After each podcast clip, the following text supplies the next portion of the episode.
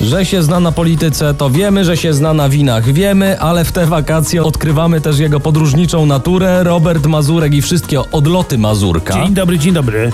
Będę się mądrzył na początek, O mogę proszę, trochę? jak zwykle, słuchamy. Słuchaj, Winston Churchill, pytany o tajemnicę długowieczności, mówił po pierwsze żadnych sportów. To jak tak na ciebie patrzę, to ty też wyznajesz te zasady. I dlatego żyję długo, jestem stary jak węgiel. Ale posłuchaj, nie będzie nic o węglu, nie będzie nic o Anglii, będzie słuchaj o Syberii. Mi się to tak skojarzyło, bo teraz tam przeczytałem, że Polacy tam jeżdżą uprawiać sport. Spływają tymi rzekami, wspinają się po górach, jeżdżą rowerem, no po prostu wszystko. Ty byłeś, rozumiem, na Syberii. Byłem parokrotnie, ale w pociągach, którymi ja ją przemierzałem, ulubionym sportem wszystkich była sztafeta 4 razy 100 gramów. A, a to kojarzę też sztafetę, to tam jest co setkę przekazanie butelki.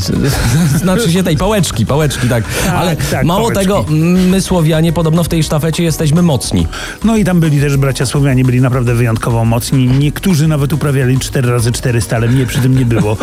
Ale w książkach można przeczytać, albo na filmach zobaczyć przyrodniczych, że Syberia słynie z dzikiej, takiej bardzo bogatej przyrody. No to ja się naprawdę mogę teraz czymś pochwalić. Faktycznie widziałem tam tysiące, i to nie przesadzam, tysiące zwierząt. No niestety wszystkie były jednego gatunku. Kulex pipiens to się nazywa, mój drogi Jacku. Kulek, kulek z pipiens. Tak. Ale, nie obrażasz nas teraz, Ani, nie. ani ciebie, ani nikogo. Słuchaj, to jest komar pospolity. A, to znamy, za to, znamy. Za to w niepospolitych ilościach na Syberii wy, występuje. Co zatłukłem jednego, to się pięcioro z rodziny na pogrzeb zlatywało. Ale, może tam tych kulek z pipiens jest mało, tylko po prostu na śniegu lepiej widać. Nie, błagam was, naprawdę weźcie, weźcie tego człowieka. Na jakim śniegu? Ja tam latem byłem. Ale posłuchaj, bo rzeczywiście tak się u nas mówi, prawda, że jak jest lekka zima, Tak no to komarów dużo. No to na Syberii zima lekka to jest minus 50 stopni, a komarów zawsze cała chmara. I jeszcze jedno mnie zastanawia. Czym one się tam żywią, bo ludzi tam nie ma? To ja przepraszam, te cholery co, korę żrą?